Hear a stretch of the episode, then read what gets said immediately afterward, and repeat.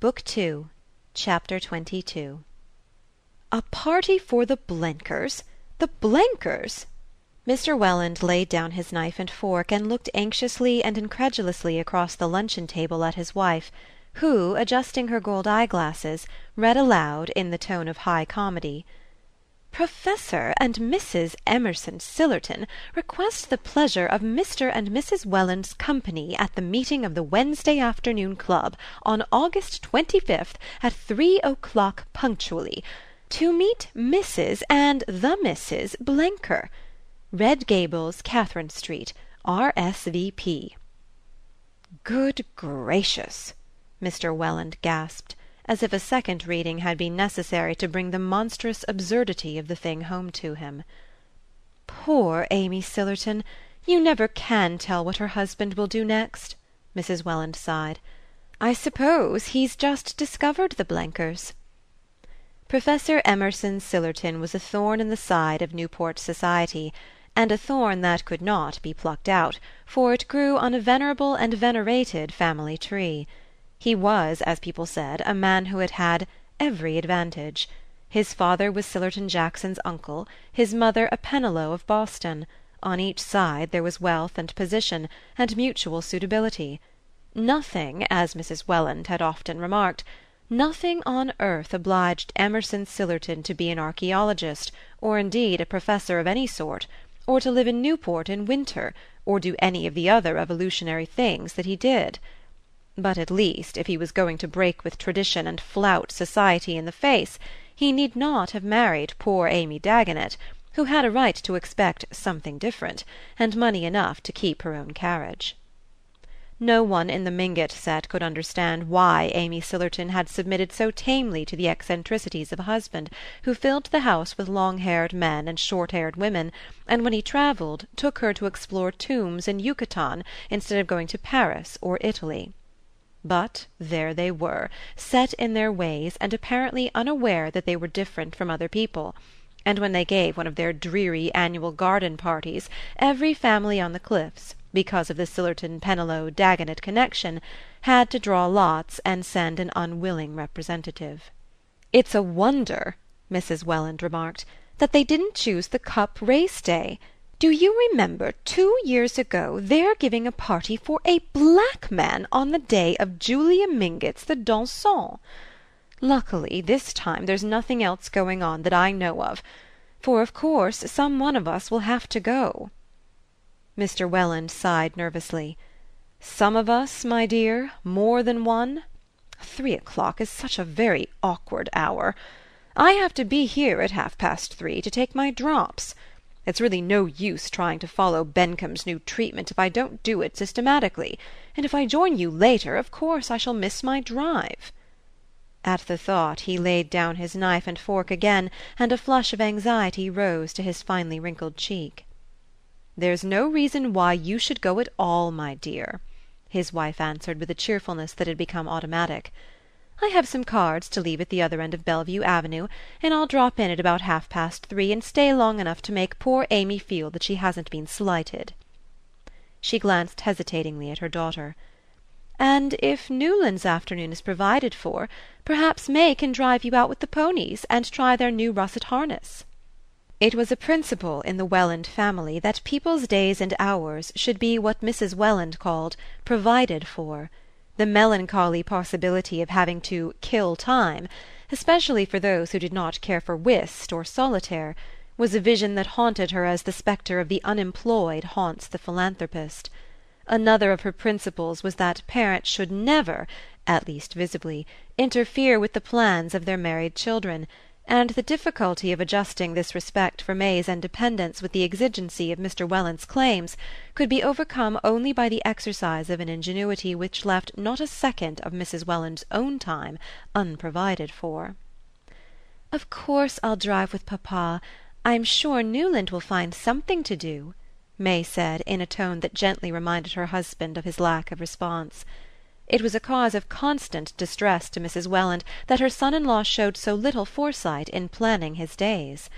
Often already during the fortnight that he had passed under her roof, when she enquired how he meant to spend his afternoon, he had answered paradoxically: "Oh, I think for a change I'll just save it instead of spending it." And once, when she and May had had to go on a long postponed round of afternoon calls, he had confessed to having lain in all the afternoon under a rock on the beach below the house. "Newland never seems to look ahead," Mrs. Welland once ventured to complain to her daughter; and May answered serenely: "No, but you see it doesn't matter because when there's nothing particular to do he reads a book." "Ah yes, like his father," Mrs. Welland agreed, as if allowing for an inherited oddity; and after that the question of Newland's unemployment was tacitly dropped. Nevertheless, as the day for the Sillerton reception approached, May began to show a natural solicitude for his welfare, and to suggest a tennis match at the Chiverses or a sail on Julius Beaufort's cutter, as a means of atoning for her temporary desertion. "I shall be back by six, you know, dear. Papa never drives later than that." And she was not reassured till Archer said that he thought of hiring a runabout and driving up the Ireland to a stud farm to look at a second horse for her brougham. They had been looking for this horse for some time, and the suggestion was so acceptable that May glanced at her mother as if to say: "You see! He knows how to plan out his time as well as any of us." The idea of the stud farm and the brougham horse had germinated in Archer's mind on the very day when the Emerson Sillerton invitation had first been mentioned; but he had kept it to himself as if there was something clandestine in the plan, and discovery might prevent its execution. He had, however, taken the precaution to engage in advance a runabout with a pair of old livery stable trotters that could still do their eighteen miles on level roads; and at two o'clock hastily deserting the luncheon-table, he sprang into the light carriage and drove off. The day was perfect. A breeze from the north drove little puffs of white cloud across an ultramarine sky, with a bright sea running under it. Bellevue Avenue was empty at that hour, and after dropping the stable lad at the corner of Mill Street, Archer turned down the old beach road and drove across Eastman's Beach.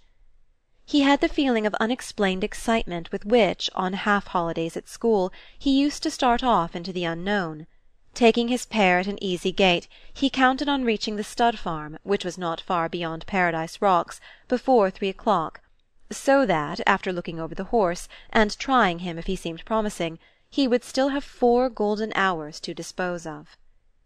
As soon as he heard of the Sillertons' party, he had said to himself that the Marchioness Manson would certainly come to Newport with the Blenkers, and that Madame Olenska might again take the opportunity of spending the day with her grandmother. At any rate, the Blenker habitation would probably be deserted, and he would be able, without indiscretion, to satisfy a vague curiosity concerning it. He was not sure that he wanted to see the Countess Olenska again, but ever since he had looked at her from the path above the bay he had wanted, irrationally and indescribably, to see the place she was living in, and to follow the movements of her imagined figure as he had watched the real one in the summer-house. The longing was with him day and night, an incessant undefinable craving, like the sudden whim of a sick man for food or drink once tasted and long since forgotten. He could not see beyond the craving, or picture what it might lead to, for he was not conscious of any wish to speak to Madame Olenska, or to hear her voice. He simply felt that if he could carry away the vision of the spot of earth she walked on, and the way the sea and sky enclosed it, the rest of the world might seem less empty. When he reached the stud farm a glance showed him that the horse was not what he wanted; nevertheless he took a turn behind it in order to prove to himself that he was not in a hurry. But at three o'clock he shook out the reins over the trotters and turned into the by roads leading to Portsmouth. The wind had dropped and a faint haze on the horizon showed that a fog was waiting to steal up the Saconnet on the turn of the tide, but all about him fields and woods were steeped in golden light. He drove past grey shingled farmhouses and orchards, past hay-fields and groves of oak, past villages with white steeples rising sharply into the fading sky, and at last, after stopping to ask the way of some men at work in a field, he turned down a lane between high banks of goldenrod and brambles. At the end of the lane was the blue glimmer of the river; to the left, standing in front of a clump of oaks and maples, he saw a long tumble-down house with white paint peeling from its clapboards. On the roadside facing the gateway stood one of the open sheds in which the New Englander shelters his farming implements and visitors hitch their teams. Archer, jumping down, led his pair into the shed, and after tying them to a post, turned towards the house. The patch of lawn before it had relapsed into a hayfield, but to the left an overgrown box garden full of dahlias and rusty rose bushes encircled a ghostly summer house of trellis work that had once been white, surmounted by a wooden Cupid who had lost his bow and arrow, but continued to take ineffectual aim. Archer leaned for a while against the gate. No one was in sight, and not a sound came from the open windows of the house. A grizzled Newfoundland dozing before the door seemed as ineffectual a guardian as the arrowless Cupid. It was strange to think that this place of silence and decay was the home of the turbulent Blenkers, yet Archer was sure that he was not mistaken. For a long time he stood there, content to take in the scene, and gradually falling under its drowsy spell; but at length he roused himself to the sense of the passing time. Should he look his fill and then drive away? He stood irresolute, wishing suddenly to see the inside of the house, so that he might picture the room that Madame Olenska sat in. There was nothing to prevent his walking up to the door and ringing the bell. If, as he supposed, she was away with the rest of the party, he could easily give his name and ask permission to go into the sitting-room to write a message. But instead he crossed the lawn and turned toward the box-garden. As he entered it he caught sight of something bright-coloured in the summer-house, and presently made it out to be a pink parasol. The parasol drew him like a magnet; he was sure it was hers. He went into the summer-house, and sitting down on the rickety seat picked up the silken thing and looked at its carved handle, which was made of some rare wood that gave out an aromatic scent. Archer lifted the handle to his lips. He heard a rustle of skirts against the box, and sat motionless, leaning on the parasol handle with clasped hands, and letting the rustle come nearer without lifting his eyes. He had always known that this must happen. "Oh, Mr. Archer!" Exclaimed a loud young voice, and looking up he saw before him the youngest and largest of the Blenker girls, blonde and blowsy in bedraggled muslin. A red blotch on one of her cheeks seemed to show that it had recently been pressed against a pillow, and her half awakened eyes stared at him hospitably but confusedly. "Gracious! Where did you drop from?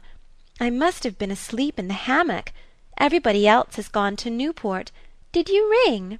She incoherently inquired. Archer's confusion was greater than hers. "I no that is, I was just going to. I had to come up to the island to see about a horse, and I drove over on a chance of finding Mrs. Blenker and your visitors. But the house seemed empty, so I sat down to wait. Miss Blenker, shaking off the fumes of sleep, looked at him with increasing interest. "The house is empty. Mother's not here, or the Marchioness, or anybody but me." Her glance became faintly reproachful. "Didn't you know that Professor and Mrs. Sillerton are giving a garden party for mother and all of us this afternoon? It was too unlucky that I couldn't go, but I've had a sore throat, and mother was afraid of the drive home this evening. Did you ever know anything so disappointing? Of course," she added gaily, "I shouldn't have minded half as much if I'd known you were coming." Symptoms of a lumbering coquetry became visible in her, and Archer found the strength to break in. Uh, "But Madame Olenska, has she gone to Newport too?" Miss Blenker looked at him with surprise. "Madame Olenska? Didn't you know she'd been called away?" "Called away?" "Oh, my best parasol! I lent it to that goose of a Katy because it matched her ribbons, and the careless thing must have dropped it here. We Blenkers are all like that real Bohemians!" Recovering the sunshade with a powerful hand, she unfurled it and suspended its rosy dome above her head. "Yes, Ellen was called away yesterday. She lets us call her Ellen, you know. A telegram came from Boston. She said she might be gone for two days. I do love the way she does her hair, don't you?" Miss Blenker rambled on. Archer continued to stare through her as if she had been transparent. All he saw was the trumpery parasol that arched its pinkness above her giggling head. After a moment he ventured: "You don't happen to know why Madame Olenska went to Boston? I hope it was not on account of bad news." Miss Blenker took this with a cheerful incredulity. "Oh, I don't believe so. She didn't tell us what was in the telegram. I think she didn't want the Marchioness to know. She's so romantic looking, isn't she? Doesn't she remind you of Mrs. Scott Siddons when she reads Lady Geraldine's Courtship? Did you never hear her?" Archer was dealing hurriedly with crowding thoughts; his whole future seemed suddenly to be unrolled before him, and passing down its endless emptiness he saw the dwindling figure of a man to whom nothing was ever to happen. He glanced about him at the unpruned garden, the tumble down house, and the oak grove under which the dusk was gathering. It had seemed so exactly the place in which he ought to have found Madame Olenska, and she was far away, and even the pink sunshade was not hers. He frowned and hesitated. "You don't know, I suppose I shall be in Boston to morrow if I could manage to see her." He felt that Miss Blenker was losing interest in him, though her smile persisted. "Oh, of course how lovely of you! She's staying at the Parker House. It must be horrible there in this weather." After that Archer was but intermittently aware of the remarks they exchanged. He could only remember stoutly resisting her entreaty that he should await the returning family and have high tea with them before he drove home.